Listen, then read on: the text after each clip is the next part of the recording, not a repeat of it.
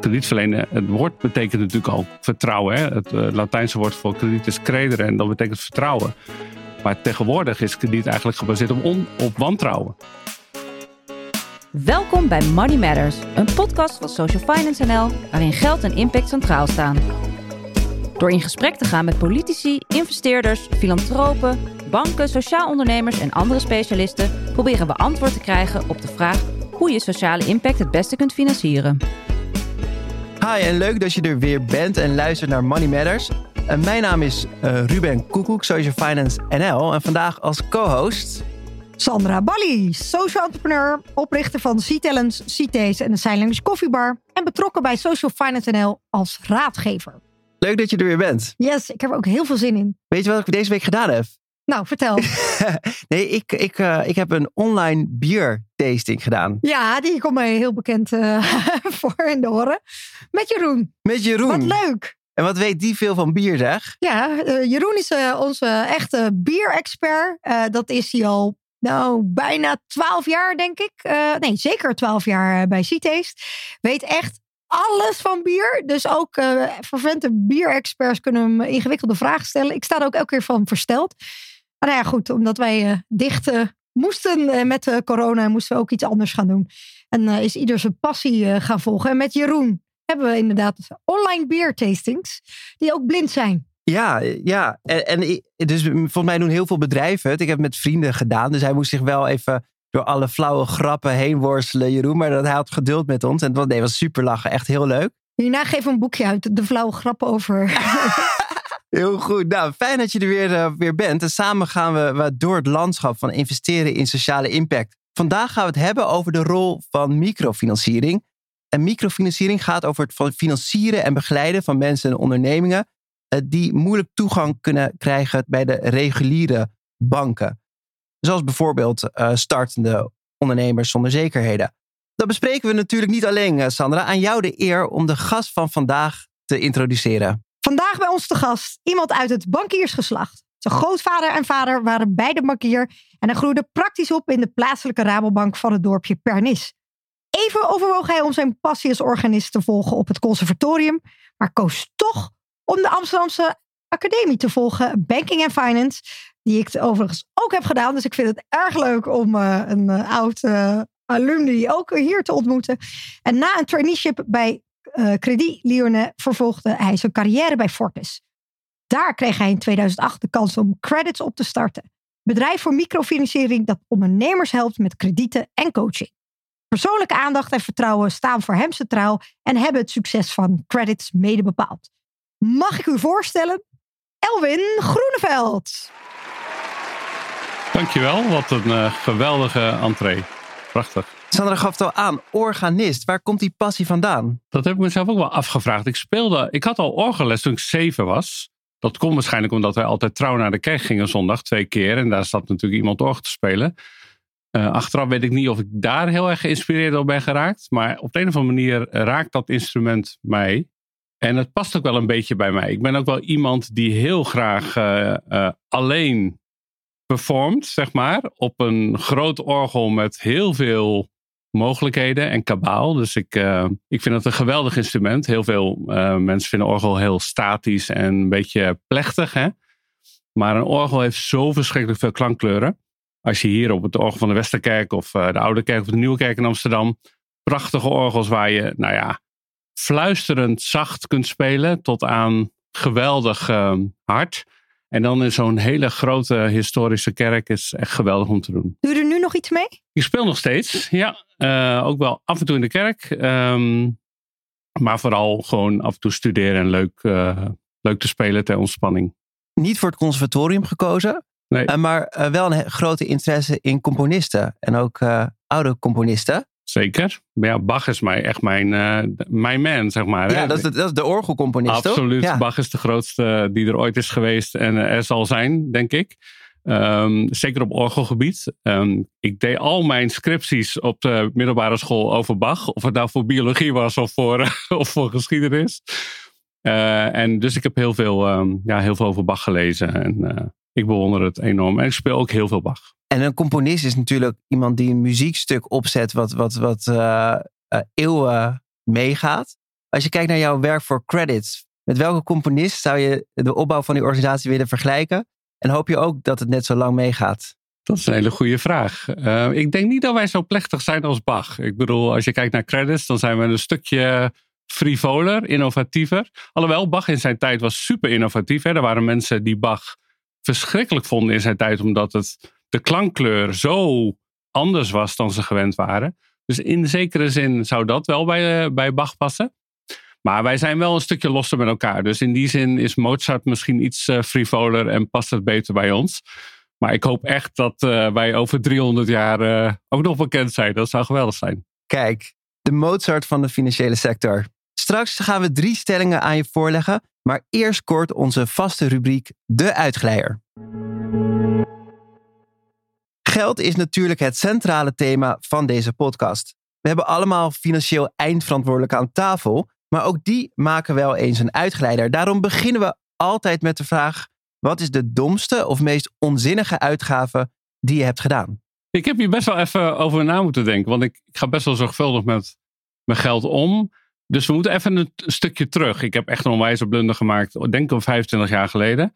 Ik werkte toen uh, uh, bij de bank. Uh, dat was de, um, toen ging World Online naar de beurs. En um, dat werd volgens mij begeleid door Generale Bank of zo, waar ik toen werkte. En als personeel mocht je dus ook meedoen. En dat had ik ook gedaan. En we weten allemaal, World Online ging heel sky high, hè, vlak naar de beursgang. Dus ik had in één keer, en ik, ik bedoel, wij waren echt totaal niet rijk. Dus in één keer had ik geloof ik 10.000 euro verdiend. En toen werd ik toch een beetje gevangen door uh, het geld. Dus toen ben ik vervolgens in opties gegaan voor KPN. En toen had ik geloof ik echt binnen twee dagen was ik 15.000 euro kwijt. Dus per saldo moest ik thuis vertellen dat ik 5.000 euro minder had dan twee weken daarvoor. En sindsdien heb ik nooit meer in opties of in aandelen gehandeld. Dus dat was wel echt een leerpunt. Maar ik heb wel echt daar ook van geleerd hoe verleidelijk het is als je eenmaal bezig bent op de beurs, om je dan te laten verleiden tot uh, nog meer risico en grote bedragen. Dus in die zin heeft het me wel gevormd. Dus echt, mijn grootste uitglijder was 25 jaar geleden. Gelukkig zo lang geleden. Kijk. Ze zeggen ook wel vaak dat vrouwen uh, beter zijn in uh, beleggen dan mannen, omdat die vaker dan toch het geduld kunnen opbrengen om nog even te wachten en niet meteen met de gekte mee te gaan. Ja, ik, zou dat? Nou, ik, herken, ik, ik weet het niet. Ik kan me er alles bij voorstellen overigens. En alleen al het feit omdat jij het zegt, geloof ik er ook wel in. Uh, maar dat zou best wel kunnen, ja. Maar um, je, je, je probeert natuurlijk het, het onderwerp eh, af te leiden. Maar Sandra, je hoeft vast geen 25 jaar terug te gaan. Nee, Ruben, je kent me al wat langer dan vandaag. Ik hoef niet 25 jaar terug. Um, ja, of het nou dom of onzinnig is. Uh, maar ik had uh, dus een prachtig mooie vakantie eigenlijk staan in coronatijd. maar dat kon natuurlijk niet doorgaan. En toen werd ook gevraagd, nou wil je hem verplaatsen? Het was de meivakantie. Wil je dan die verplaatsen naar zomer of de kerst of dan nog later? En toen dacht ik er heel verstandig aan te doen om niet te kiezen voor mijn geld terug en, foutjes. Want ik had gewoon echt heel veel zin. Nog steeds heb ik heel veel zin in die prachtig mooie reis. Maar toen dacht ik, ik ga het wel op safe spelen. Dus ik, ik verplaats hem één jaar later het maximale wat mogelijk was. Dus de komende meivakantie. Als ik heel uh, eerlijk ben, begin ik me nu toch wel zorgen te maken over uh, deze prachtige mooie vakantie. Die, uh, die waarschijnlijk niet meer door zal gaan. Mm. Dus dat hmm. is ook wel een orde van grootte van het bedrag als mijn overbuurman hier. Dus dat wordt een nare klauw die, ik, knauw die ik moest nemen. Ik had mijn verlies misschien meteen moeten pakken in plaats van afwachten. Oei, nou, nou laten we hopen op het, uh, op het nou beste. mag jij met de billen bloot. Ja, nee, ik, uh, ik um, moest er ook even over nadenken. Maar ik dacht, ja, de garderobe van mijn dochters. Dat is mijn slechtste uitgave, want ze doen er helemaal niks mee. En vooral een van mijn dochters, die heeft eigenlijk een Minnie Mouse truitje en een roze legging. En dat is het enige wat ze aan wil. Dus alleen in het geval dat dat in de was is, dan gaan we samen, ze zijn drie jaar, een tweeling. Dus dan gaan we samen naar de wasmand en dan kijken we of het echt of zij het ook echt te vies vindt om aan te doen. En als dat dan ja is, dan willen we voor een dag wel eens kijken naar de rest van de garderobe. Maar eigenlijk is dat dus natuurlijk uh, ja, weggegooid geld. Daar dacht ik aan. Je hebt ook heel veel tweedehands uh, kleding, uitruil uh, dingen op kinderen. Ook, ook met Minnie Mouse? Zeker met Minnie Mouse. Ja. Oké, dan moet ik daar maar eens gaan kijken. En we gaan snel verder met de volgende rubriek. We gaan verder met de stellingen. We gaan drie korte stellingen aan je voorleggen. We zijn heel benieuwd hoe je daar uh, tegenaan kijkt. In deze podcast zijn we op zoek naar antwoorden op de vraag hoe sociale impact het beste gefinancierd kan worden. Deze keer staat de rol van microfinanciering centraal. Het financieren van bedrijven of mensen die geen of moeilijk toegang krijgen tot reguliere banken. Bij microfinanciering denken we ook vaak aan het buitenland. Maar ook in Nederland is lenen al lang niet meer voor iedereen weggelegd. Tenminste niet bij de reguliere eh, banken. Elwin, jij bent eigenlijk met credits in dat gat gesprongen. En je bent er voor die onderneming uh, die niet in aanmerking komt voor een lening bij de bank. En dat brengt mij tot de eerste stelling. Banken zouden geen commercieel oogmerk moeten hebben. 100% mee eens. Ik geloof echt in non-profit. Ik geloof in sociale ondernemingen. Daarom is Credit ook allebei. Hè? We zijn een stichting, non-profit. We zijn een sociale onderneming. En wat je gewoon ziet in de, in de financiële dienstverlening is... omdat banken zo commercieel zijn en uh, gericht zijn op uh, aandeelhouderswaarde creëren... maakt dat ze eigenlijk hele rare beslissingen nemen. En een van die beslissingen is dat uh, hoe minder je aan een klant verdient... hoe minder aandacht die klant krijgt. Terwijl eigenlijk die kleine ondernemer hè, als klant uh, met een heel klein krediet alle aandacht nodig heeft van die bank. Dus ik geloof ook in de omgekeerde piramide eigenlijk. Dat je als organisatie het meeste aandacht geeft aan de, aan de, de kleintjes, hè, degene die het nodig hebben. En alle private banking en corporate banking klanten, die hebben zo verschrikkelijk veel geld. Die kunnen wel voor goed voor zichzelf zorgen. Maar dat kun je ook alleen maar als sociale onderneming zeggen. Als commercieel bedrijf denk je natuurlijk precies andersom. En daarom geloof ik echt dat uh, een van de problemen uh, binnen de financiële sector is het, de commerciële gedachte. Ik weet natuurlijk ook wel dat als de hele financiële sector uh, not-for-profit en uh, sociale ondernemingen waren, dat het hele financiële stelsel in de hele wereld wel uh, op zijn kop moet. Dus ehm, er zitten natuurlijk wel heel veel ja, haken en ogen aan hè, om dat te doen. Dan moet de ECB en de DNB ook sociale ondernemingen worden. Um, nou ja, ik weet niet of het allemaal gaat lukken, maar ik geloof echt wel in dat de trigger uh, die je hebt omdat je commercieel bent, dat, dat die tot, ja, tot uh, beslissingen leidt die niet goed zijn altijd voor uh, ondernemers. En meten jullie bij credits dan ook, of kijken jullie ook naar andere variabelen dan puur de commerciële? Um, ja, wat bedoel je daarmee? financiële. Dus uh, nou ja, ik ben zelf ook een social entrepreneur. En het valt ja. me eigenlijk al op dat de klassieke financiers nog steeds vragen om hè, het klassieke businessplan. Ja. Wat er natuurlijk moet zijn. Wel, hè, laten dat uh, duidelijk zijn. Er moet een gezonde basis voor bedrijfsvoering liggen. Maar dat er niet daadwerkelijk gekeken en gemeten wordt naar andere variabelen dan puur nou ja, omzet, ja, winst. Ik snap wat je bedoelt. Ja, absoluut. Als je kijkt naar ons businessmodel en de manier waarop wij kredieten beoordelen, is dat echt compleet anders dan bij een bank. Daarom kunnen wij ook kredieten verstrekken die de bank niet wil verstrekken of kan verstrekken vanwege hun businessmodel. Uh, bijvoorbeeld een van die dingen is, wij bezoeken alle klanten of allegene, degene die een aanvraag bij ons indienen, zoveel mogelijk thuis. En dat doen we heel bewust. Of het nou voor 5000 euro is of voor 250.000, dat zijn een beetje onze, onze grenzen. Het maakt ons niet uit. Als wij bij iemand thuis zijn, dan hebben we eigenlijk al 50% van de informatie opgehaald over die persoon. Want je kijkt bij iemand gewoon echt in de woonkamer en of hij de boel op orde heeft. Ik zeg ook altijd, we zouden eigenlijk sollicitatiegesprekken met uh, sollicitanten ook gewoon bij die persoon thuis moeten doen. Dan weet je eigenlijk veel meer dan als die bij jou op kantoor komt. Dat geldt ook voor een uh, aanvraag voor een krediet. Dus uh, wij kijken echt achter de voordeur met als doel om de, de ondernemer gewoon beter te leren kennen. Want stel je, wil een schoonmaakbedrijf beginnen en we zien uh, iemand wonen in een soort halve uh, vuilnisbelt, zeg maar, dan is dat niet echt een hele goede trigger. Daarnaast kijken we natuurlijk naar het businessplan. We kijken ook wel naar iemands achtergrond. Hè, van ben je eigenlijk wel geschikt voor wat je wil gaan doen? En natuurlijk van, is er eigenlijk wel behoefte aan wat je wil gaan doen?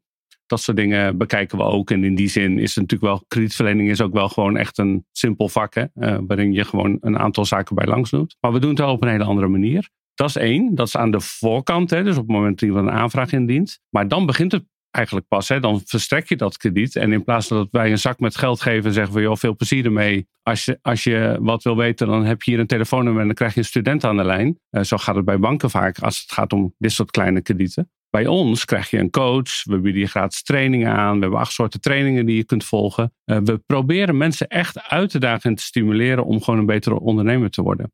En dat is denk ik het grote verschil uh, ten opzichte van de reguliere bankensector. En in Nederland willen we nog wel eens zeggen dat hoe wij het systeem hebben ingericht is anders. Het Rijnland-model is anders dan het Anglo-Saxische model. En onze bankaire sector kent ook een coöperatie en Triodos en ASN. Zeg je eigenlijk van nee, altijd als er een aandeelhouder is, dan is, gaat het altijd om maximaliseren van aandeelhouderswaarde? Of geloof je ook dat er andere smaken zijn waarin ook gekeken wordt naar, naar de belangen van andere stakeholders. Absoluut. Dus je hebt sociale investeerders. Hè, die zoeken natuurlijk een hele andere aandeelhouderswaarde dan echte commerciële investeerders. Maar toch, ik denk het systeem drijft je naar een bepaald punt dat je gewoon uh, heel commercieel moet denken. Want ook Triodos, die eigenlijk, uh, um, nou ja, eigenlijk allemaal sociale investeerders heeft, hè? Uh, geen grote, hele commerciële aandeelhouders, wordt toch meegezogen in het banksysteem. Waarin, um, waarin je heel veel kosten moet maken voor compliance en voor toezicht en, en dat soort zaken. Waardoor je eigenlijk toch weer tot het punt komt dat je zegt van ja, als ik dan toch rendement moet maken, ja, dan moet dat ten koste gaan van de kleine, van de kleine uh, kredieten en van de kleine ondernemer. Zeg maar, het hele systeem maakt ook dat je op een gegeven moment je, je, je winst zoekt zeg maar, bij, de, bij de grote klanten en bij de private banking klanten. Dus ook al, en dat geldt ook voor de coöperatie die de Rabobank eigenlijk al lang niet meer is, maar wel was. Uh, vroeger, toen mijn vader, hè, die was uh, bankdirecteur in Penis, je, noemde het al. Ja, die kon nog wel uh, hele goede keuzes maken. Hè? Die, hij kende het hele dorp. Hij kende alle ondernemers in het dorp. Dus als iemand krediet nodig had, wist hij eigenlijk intuïtief wel of iemand er goed voor was of niet. En dat model vind ik eigenlijk nog steeds wel het mooiste model. En dat, is, dat model gaat ook uit van vertrouwen. Kredietverlenen, het woord betekent natuurlijk al vertrouwen. Hè? Het uh, Latijnse woord voor krediet is credere en dat betekent vertrouwen. Maar tegenwoordig is krediet eigenlijk gebaseerd op, wantrouwen. Hè? Daarom hebben we ook hele grote juridische contracten die je moet tekenen. Want het gaat er allemaal vanuit dat als het misgaat. En iedereen zegt dan ook altijd: ja, maar dat is alleen maar voor als het misgaat. Maar er is natuurlijk wel van alles geregeld, vooral voor als het misgaat ik geloof dat de huidige uh, opzet van de banken, of ze nou um, ASN zijn, Triodos of gewoon de grote ING, ABN AMRO, dat ze met elkaar in een dusdanige fuik zitten dat ze uh, eigenlijk niet meer dezelfde afweging kunnen maken die wij als, als sociale kredietverstrekker wel nog kunnen maken. En daarom ben ik ook super blij dat wij geen bank zijn. Want dat zou voor ons eigenlijk precies hetzelfde gaan betekenen. Als wij een bankvergunning zouden aanvragen, dan nou ja, kom je eigenlijk, dan zwem je eigenlijk diezelfde fuik in. Want we hadden eerder Simone Brummelhuis in onze podcast. En zij heeft natuurlijk een venture capital fonds alleen op vrouwen gericht. En zij eh, onderschrijft natuurlijk dat, dat vrouwen minder snel zeggen: Ik heb een heel goed plan. En je bent wel gek als je hier niet in investeert. Dus dat ze minder snel naar een uh, investeerder uh, stappen. Maar ze zegt ook dat investeerders ook een bias hebben. Uh, dat ze liever aan mannen uitlenen dan aan vrouwen. Um, of extra zekerheden vragen omdat iemand vrouw is. En denk je dat dat uh, uh, onbewust ook bijvoorbeeld credits kan, kan treffen? Of, of uh, kan je daar maatregelen in nemen om die bias eruit te, te halen? Ja, ik, ik vraag me dat heel erg af of wij dat hebben. Um, wat wel grappig is, iemand zei laatst een keer: ja, jullie doen meer mannen dan vrouwen, omdat al jullie riskmanagers mannen zijn. Toen dacht ik, ja, dat is eigenlijk wel waar. Een beetje raar trouwens dat al onze riskmanagers mannen zijn. Terwijl 60% van de mensen die bij credits werken is vrouw. Hè? Dus we hebben ja. meer vrouwen dan mannen. En ook de adviseurs zijn over het algemeen vrouwen die wij hebben. De adviseurs die de klanten bezoeken en de screeningen doen. Dus je zou verwachten dat die vrouwen ook makkelijker uh, uh, aanvragen van een uh, vrouw kunnen goedkeuren. Dus ik vraag me dat heel erg af of dat zo is. Ik denk gewoon dat er minder aanvragen zijn van vrouwen. Ja. En dat, dat daar met name de oorzaak in zit dat er ook uiteindelijk minder goedkeuringen zijn van vrouwen. Maar ik heb nog niet uh, de analyse gezien bij ons dat de aanvragen van vrouwen minder snel worden goedgekeurd. Dat is eerder andersom. Dat de aanvragen van vrouwen juist sneller worden goedgekeurd dan uh, van een man bij ons omdat ze misschien later naar de bank stappen en eerst wat stappen zelf? Beter voorbereid of, zijn, vaak al zijn begonnen vaak klein beginnen vanuit, uh, en niet heel veel kosten hebben. Dat komt natuurlijk ook wel omdat er heel veel herintredende vrouwen zijn. Die vaak een partner hebben met inkomen. Dus dan zeggen ze, ja, ik hoef er ook niet helemaal van te leven. Ja. Hè? Stel je begint een nagelstudio of een schoonheidssalon. Dat zijn natuurlijk wel hele, de typische beroepen waar eh, vrouwen mee kunnen herintreden.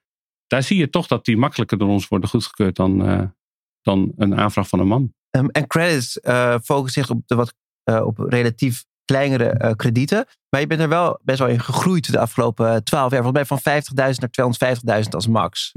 Klopt. Wat is daar de... Ik kan me voorstellen dat het ook voor bedrijfsvoering fijner is. Omdat je percentage vraagt en het makkelijker rond kan breien. Ehm, maar welke gedachte is daarachter dat het steeds iets, ietsje hoger wordt? Ja, we hebben eigenlijk twee redenen voor. Ten eerste zagen we dat klanten, ehm, eh, onze eigen klanten, die een krediet hadden van 20.000 euro, eh, op een gegeven moment gingen groeien en meer nodig hadden dan die 50.000 euro om hun groei te financieren. En nog steeds niet bij de bank terecht konden. Omdat hun track record nog maar twee jaar was bijvoorbeeld, of, of drie, of ze zaten in de horeca. Dus wij moesten eigenlijk eh nee verkopen tegen onze bestaande klanten. Dat is natuurlijk heel vervelend, want er waren klanten wa- waar wij juist een hele goede ervaring mee hadden. Dus dat is de reden één. Reden twee is, eh, dat, dat was eigenlijk de reden vlak na de kredietcrisis. Toen zagen we dat heel veel bedrijven ehm, een lage solvabiliteit hadden. Dus dat betekent dat hun eigen vermogen behoorlijk in elkaar was gezakt. Omdat ze door de kredietcrisis eigenlijk verliezen hadden gemaakt. Nou, een van de belangrijkste ratio's voor een bank is solvabiliteit. Hè? Als je solvabiliteit onder de 25% of 30% zit, zegt het systeem standaard nee. En dat betekent geen krediet. En eigenlijk vonden we dat heel raar. Want wij zeiden, als iemand gewoon een heel goede bedrijfsvoering heeft, heeft goede rentabiliteit, maar heeft gewoon één of twee jaar een verliesjaar gehad, ja, dan willen wij wel financieren. Dus toen hebben we tegen de banken gezegd, weet je, stuur al dat soort aanvragen nou maar naar ons. Dan halen wij er nog een keer de stofkam doorheen. En dan misschien kunnen we daar nog 10 of 15 of 20 procent van die groep alsnog financieren. Ja. En dat was uiteindelijk de trigger om eh, die eh, limiet te verhogen naar 2,5 ton. Ja, en, en misschien ehm, voor de, voor de non-financials in de podcast. Dus, dus wat je eigenlijk zag is dat ze een aantal zware jaren hadden door de kredietcrisis. Een aantal jaren verlies hebben geleden. Eh, ook alweer hebben laten zien dat ze ren- rendabel zijn. Dus alweer winst hebben gemaakt. Maar nog steeds een negatief eigen vermogen. Die verliesjaren die, die hebben nog steeds, zie je nog steeds terug in de boeken. En daarom zeggen banken, je hebt te weinig eigen vermogen, eigen middelen. eh, ik stap niet in.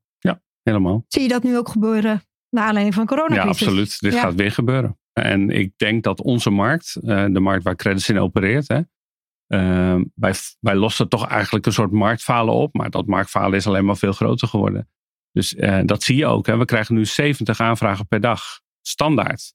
Minimaal 70. Nou, dat was een, twee jaar geleden was dat 50. Dus dat zie je behoorlijk stijgen.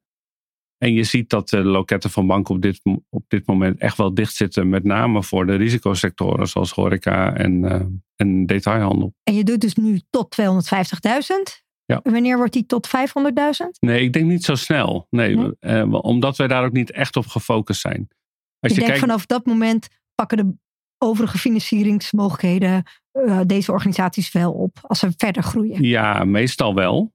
Daar wordt het voor een bank ook echt wel interessant hè, vanaf 2,5 ton.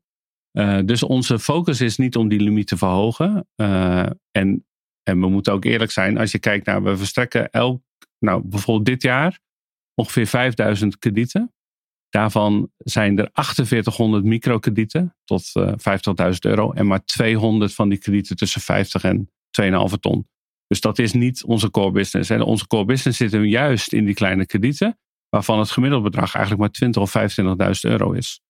Daar zijn wij goed in en, en daar moeten we ook in blijven opereren. Dus wij moeten nooit ehm, de neiging hebben om alleen maar weer voor groot te gaan. Wij moeten juist bij klein blijven. Dat is denk ik ook wel iets waar, waar wij heel goed in zijn en waar, waarvoor wij zijn opgericht. Geen missiedrift. Niet op dat gebied. Hè. We, hebben, we hebben wel missiedrift. Eh, wat we wel doen is bijvoorbeeld diversificatie van ons kredietaanbod. Dus we hebben lease. We hebben een sociaal krediet. Heel specifiek voor sociale ondernemingen. Eh, we, hebben, nou ja, we hebben dan het microkrediet. Ehm, Wat maakt dat anders? Wat maakt een sociaal krediet anders dan nou ja, sociaal krediet eh, maakt voor de ondernemer in die zin wat anders dat het goedkoper is. Dus we hebben de rente voor een sociaal krediet is behoorlijk lager dan voor een normaal krediet. Daarmee willen we ook sociale initiatieven belonen. Omdat we dat zelf ook zijn. We geloven in social enterprises, dus we willen dat ook stimuleren. Daarnaast moet je toch ook wel even anders kijken naar een sociale onderneming. Een sociale onderneming is gewoon echt wel anders qua opzet dan een commerciële onderneming. En wij dachten van als we daar een speciaal product van maken, dan kunnen we ehm, dan kunnen we ook zeg maar dat product helemaal enten op de wensen van een sociale ondernemer. Bijvoorbeeld met een, een andere grace period, hè, een andere periode dat je niet hoeft af te lossen. Een lagere rente. Uh, andersoortige begeleiding. Begeleiding van andersoortige coaches die ook, ook gericht zijn op sociale ondernemingen. Dus we hebben gewoon eigenlijk een heel specifiek segment gemaakt voor uh, sociale ondernemingen. En dat draait hartstikke goed. We hebben er dit jaar uh, 75 gedaan van die kredieten. En, je, en ik verwacht dat dat volgend jaar uh, zeker zal verdubbelen. En heb je dan ook rente die afhankelijk is gemaakt van impact? Dus als je je impact verdubbelt, dat je nog een rentekorting krijgt. Nee, dat maar als je impact niet haalt, dat je toch de reguliere rente moet betalen. Goed idee. Nee, niet aan gedacht. Supergoed idee. Ja. Dus daar gaan we aan werken. Ja. Misschien de volgende podcast kunnen we kijken wat er uit dit idee ontstaat over een paar jaar. En de coronacrisis kwam al even voorbij en dat brengt mij tot de volgende stelling. De MKB'er helpt Nederland uit de coronacrisis. Ja, dat, is, dat vind ik wel een lastige stelling. Want uiteindelijk haalt een vaccinatie ons uit de coronacrisis volgens mij. Dus in die zin zou ik denk ik geneigd zijn om te zeggen van nou ben ik het niet mee eens. Uh, ik denk juist dat het MKB het gewoon even heel moeilijk heeft. En uh, dat is nu zo en dat zal volgend jaar ook wel zijn. Uh, er moet juist heel veel geld naartoe, naar dat MKB, om te zorgen dat ze weer in, dat groei, in die groei komen, zeg maar. Uiteindelijk worden ze dan wel weer een, een banengenerator. Hè? Maar dat is op de, dit moment staat dat natuurlijk enorm onder druk. En dat maakt denk ik ook wel de coronacrisis heel anders dan de kredietcrisis. De kredietcrisis was natuurlijk een crisis die heel was gericht op de financiële sector waar uiteindelijk het MKB wel last van had, maar het MKB kon wel groeien. Uh, en de coronacrisis, um, uh, de maatregelen daaruit blokkeren zoveel ondernemingen uh, om, om zeg maar gewoon hun normale dingen te doen. Wat vind je zelf van deze steunmaatregelen en denk je dat het voldoende perspectief biedt voor de ondernemers die een kans van slagen hebben? Nou ja, ik, ik geloof wel dat de steunmaatregelen echt goed zijn geweest. Hè. Voor de meeste bedrijven zijn ze echt wel goed geweest. Er is, uh, um, er is heel veel geld de economie ingegaan op die manier. Uh, ik denk dat het ook niet heel veel anders kon dan dit. Je ziet het in landen om ons heen feitelijk ook. Uh, er zijn wel landen die in die zin veel sneller bijvoorbeeld de mogelijkheid voor gratis lenen hebben gedaan. Hè. Dat zag je vooral in de Duitsstalige landen. Daar kon je eigenlijk tegen 0% lenen. En op die manier werd er ook geld de economie in gepompt. Nou, hier in Nederland is het anders gegaan. Je merkt alleen nu voor de horeca is het einde wel ongeveer in zicht, weet je wel. Want al die maatregelen dekken niet 100% van de kosten. Dus heel veel ondernemers moeten gewoon echt veel spaargeld um, aanbreken om, om, om deze crisis door te komen.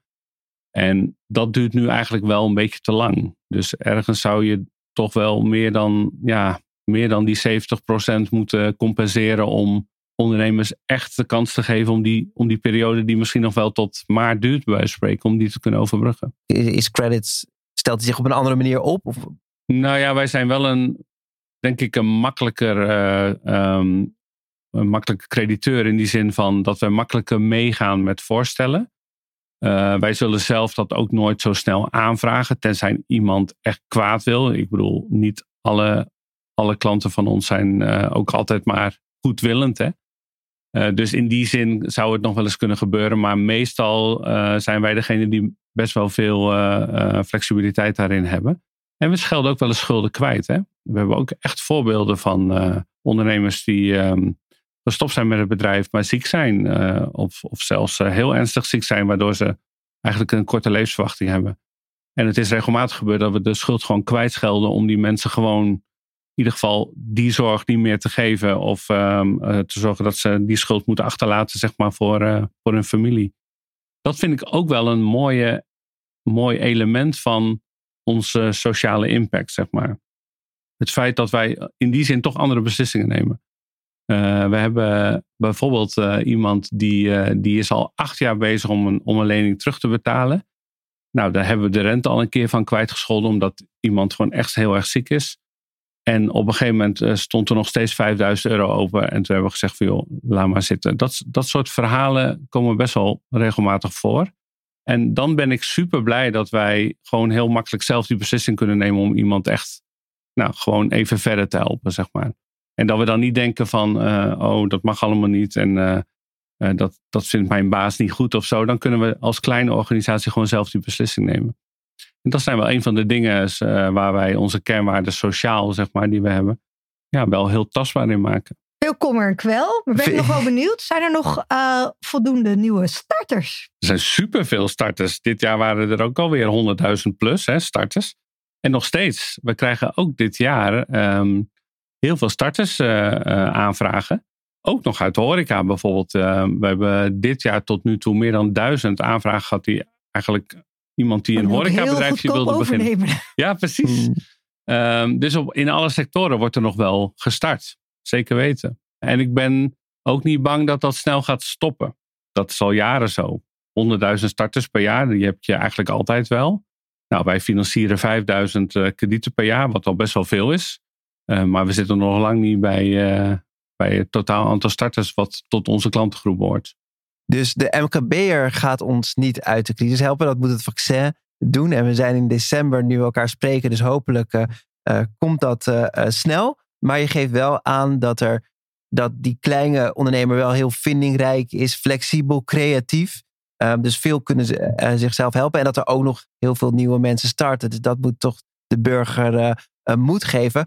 Over die, die elementen van wat nou echt een ondernemer is, daar willen we het ook over gaan hebben in de volgende stelling. Iedereen heeft het in zich om ondernemer te zijn. Nee, daar ben ik het niet mee eens. Dat zou wel heel mooi zijn. Uh, het zou ook wishful thinking zijn. Je hebt echt mensen die zijn gewoon geen ondernemer. En um, ik denk ook goed is om mensen te waarschuwen van, om niet altijd je eigen onderneming te beginnen.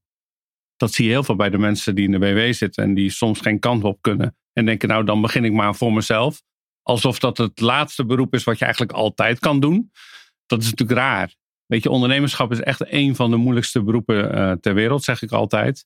Uh, waarin je vooral heel veel doorzettingsvermogen moet hebben. Je moet echt 24-7 willen werken. Um, je, moet, uh, je moet innovatief zijn. Je moet heel veel dingen tegelijk kunnen. Echt super lastig. Dus um, ik geloof ook niet dat iedereen dat kan. En dat, dat, um, en dat we ook mensen soms moeten waarschuwen om, om het te doen. Dat is een van de, wel een van de afwijzingscriteria vaak die wij hebben om een krediet niet toe te kennen. Dat wij in iemand gewoon eigenlijk geen ondernemer zien. Dat is ook wel super lastig afwijzen, hè? want dan krijg je een soort, uh, nou, je begrijpt me niet en uh, uh, dat soort argumenten natuurlijk terug. Mensen kunnen het misschien zien als een persoonlijke aanval. Ja. Ik ben zelf ook wel medestander in ondernemer ben je. dat is niet per ongeluk word ik het en dan, en dan ga ik ook succesvol in zijn. Je kan je natuurlijk altijd wel in ontwikkelen met een bepaalde basis. ik ken iemand die, die is uitvinder. En het leuke van uitvinders is, ze, ze ontwikkelen iets wat je dan op de markt wil zetten. En dat is dan iets heel innovatiefs. Dus aan het product ligt het dan niet. Maar de meeste uitvinders zijn niet de beste ondernemers. Een uitvinder moet uitvinden, weet je wel. En niet op de markt zetten. Dat vraagt hele andere competenties van je. Dus daarin zie je ook vaak dat het misgaat. Zo gauw een uitvinder gewoon uh, zich als ondernemer wil gaan gedragen, wordt hij vaak niet gelukkig. En, en Elwin, dus de podcast gaat over het financieren van sociale impact. Jij financiert de, de ondernemer die niet bij reguliere banken uh, terecht kan. Maar als ik een stap verder maak, uh, stel credit is er niet. Welke maatschappelijke problemen in Nederland zijn dan groter dan dat ze nu zijn? dan blijven meer mensen gewoon in de bijstand zitten um, of in de WW. Uh, we weten dat we uh, daar echt uh, de overheid uitkeringen besparen. We hebben berekend dat we 60 miljoen inmiddels al aan uitkeringen hebben bespaard op de overheid. Nou, die mensen hadden dan een andere baan moeten zien te vinden, maar de kans dat ze dat hebben gekregen is ook niet groot. Um, het andere maatschappelijk probleem is banencreatie. Ondernemers creëren wel banen, we hebben inmiddels al berekend dat we 30.000 banen hebben gecreëerd voor Nederland. Nou, een groot deel uh, had die baan niet gekregen als wij die ondernemer niet gefinancierd hadden. Maar meten jullie ook de sociale impact? Ja, absoluut. Een paar getallen. Ja, ja? ja elk jaar uh, um, uh, publiceren we een sociaal jaarverslag. waarin dit soort getallen staan. Elke klant van ons krijgt één keer per jaar een, um, een vragenlijst. En die vragenlijst gaat juist heel erg over van niet over um, maak je nog winst of niet? Maar veel meer, heb je iemand in dienst genomen? Heb je een arbeidsgehandicapte in dienst genomen? Heb je een vrijwilliger in dienst genomen? Heb je nog een uitkering nodig? Of kun je zelf van een bedrijf leven? Uh, heb je überhaupt nog een bedrijf? Hè? Dat is soms ook wel een, uh, een interessante vraag. We hebben best ook wel klanten die inmiddels al lang geen bedrijf meer hebben.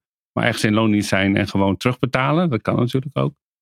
We doen dat samen met CEO, uh, dat bedrijf hier in Amsterdam, die organisatie die heel erg gericht is op nou ja, het, het, het onderzoeken van je maatschappelijke relevantie. We hebben een heel model ontwikkeld. En dat is super gaaf. Dat geven we ook terug aan de overheid en aan de Tweede Kamer. En zegt van nou, in credit zit best wel veel overheidsgeld hè, van het ministerie van Economische Zaken. En dit geven we jullie terug. 30.000 banen, 60 miljoen bespaard aan, aan uitkeringen. Dat zijn echt relevante cijfers. Alleen merk je dat uh, economische zaken zeggen ja, uitkeringen besparen, maar dat zit niet bij ons. Dat zit bij sociale zaken. Dus daar hebben we eigenlijk niet zo heel veel belangstelling voor. Banencreatie vinden we wel heel erg, heel erg leuk. Dus eigenlijk moeten we nog een methode zien te vinden om alle departementen van een overheid te raken. Um, zodat iedereen zegt van ja, weet je, dit is echt een.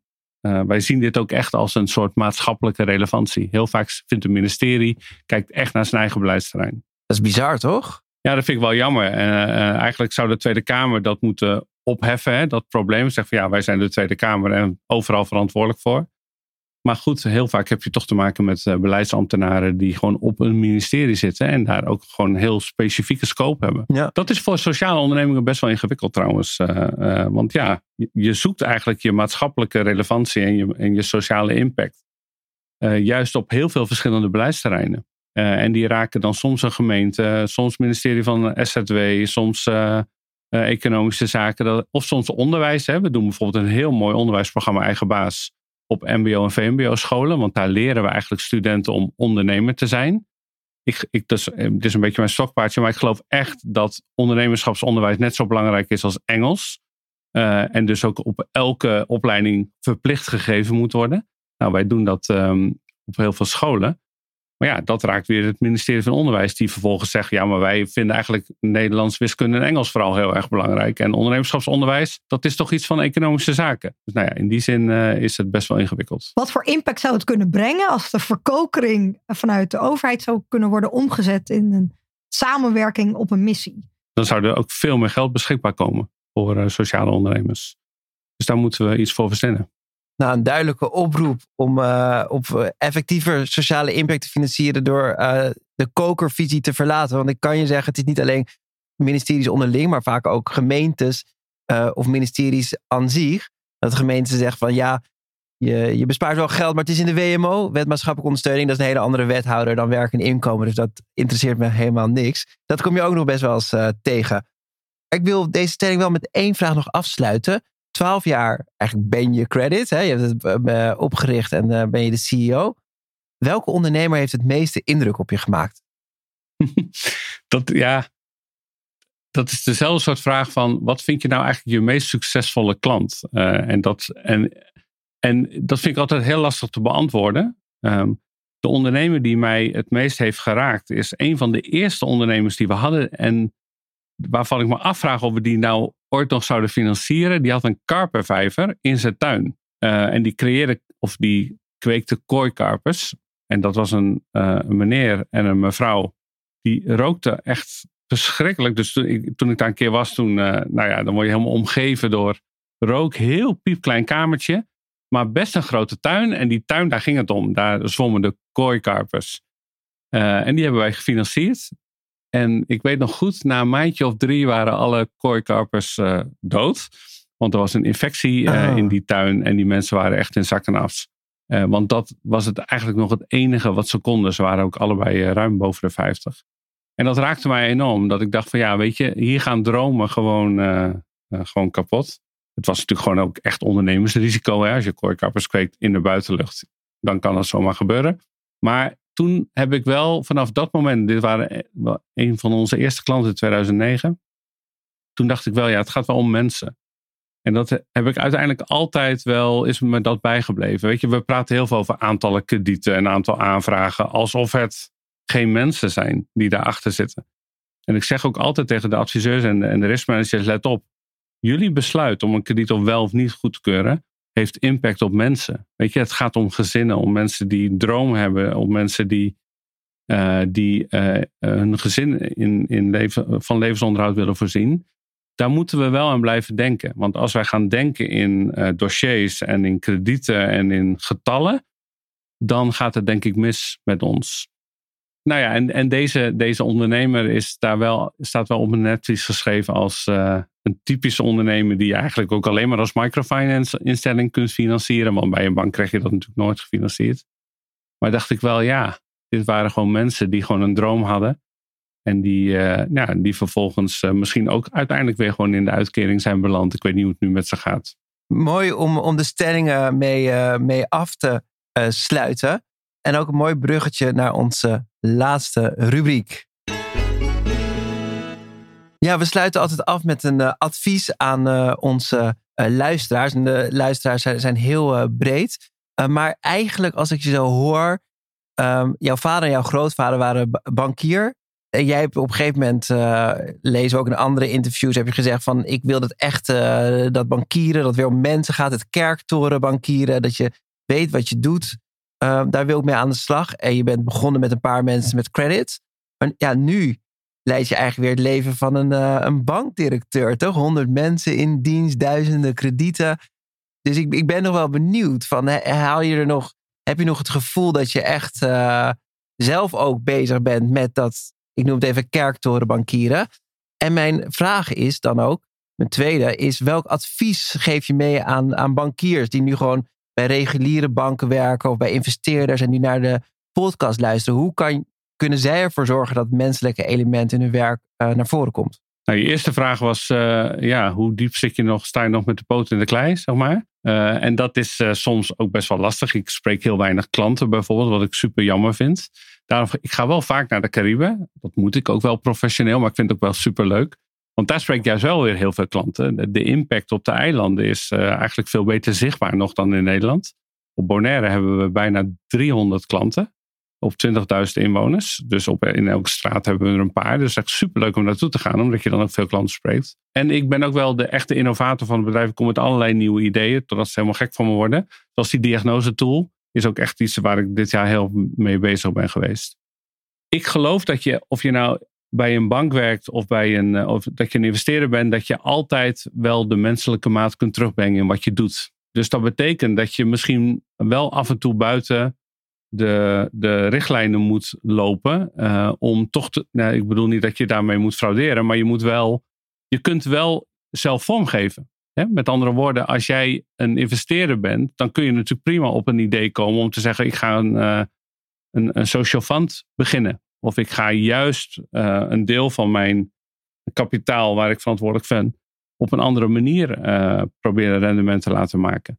Het heeft alles te maken met uh, intrinsieke motivatie. Dus als jij het gevoel hebt dat je het verschil wil maken, dan kun je altijd het verschil wel maken. Want toen ik bij de bank werkte, toen werkte ik gewoon bij de bank in een bestaande functie. Ik moest mensen uh, stimuleren als regeldirecteur om meer hypotheken te verkopen. Terwijl ik dacht van ja, elke hypotheek die ze verkopen, zie je niet terug in de 4 miljard euro winst die Fortis op dat moment maakte. Dus toen dacht ik van nou, misschien moet ik eh, een project beginnen om microfinance-achtige dingen vorm te geven. Weet je, dat kun je altijd doen. Dus ik geloof heel erg in de intrinsieke motivatie en geef daar dan vervolgens een soort uh, handen en voeten aan door gewoon iets te starten. En maak mensen gek om je heen uh, met, met je ideeën. Dan weet ik zeker dat je heel veel voldoening zult krijgen. Die ervaring heb ik gewoon zelf ook gehad. Nou, dat lijkt me een prachtige afsluiter. Sandra, wat neem jij mee uh, uit dit gesprek? Nou, wat ik sowieso meeneem, is uh, dat ik het uh, grappig vind dat we allebei een beetje last hebben van een verkokering die er is. En dat ik ook zeker denk dat we samen kunnen werken in een ontkokering om voor het grotere geheel in Nederland daadwerkelijk meer impact te maken. Daar zit wel een, misschien redden we het niet in één jaar, maar zou uh, zeker moeten kunnen. Duidelijk. En op deze uh, noot uh, gaan we de podcast afsluiten. Um, dankjewel, uh, Elwin, voor je inspirerende verhaal en alle inzichten die, je, die je meebracht. ook dank aan mijn co-host Sandra. Wat fijn dat je er was. En ook ABN AMRO en Oranje Fonds die de podcast hebben mogelijk gemaakt. Productie Daniel van der Poppen. Redactie Daphne Sprecher en Daphne Salvino. Wil je niks missen van deze reeks? Abonneer je dan op de podcast En vergeet ook niet een recensie achter te laten op de iTunes podcast app of kijk op www.sokvin.nl. En mocht je nog de online bierproeverij willen doen, dan kan je natuurlijk altijd op Sea Taste kijken. want dat is absoluut een aanrader. Tot volgende podcast. Dankjewel. Dankjewel.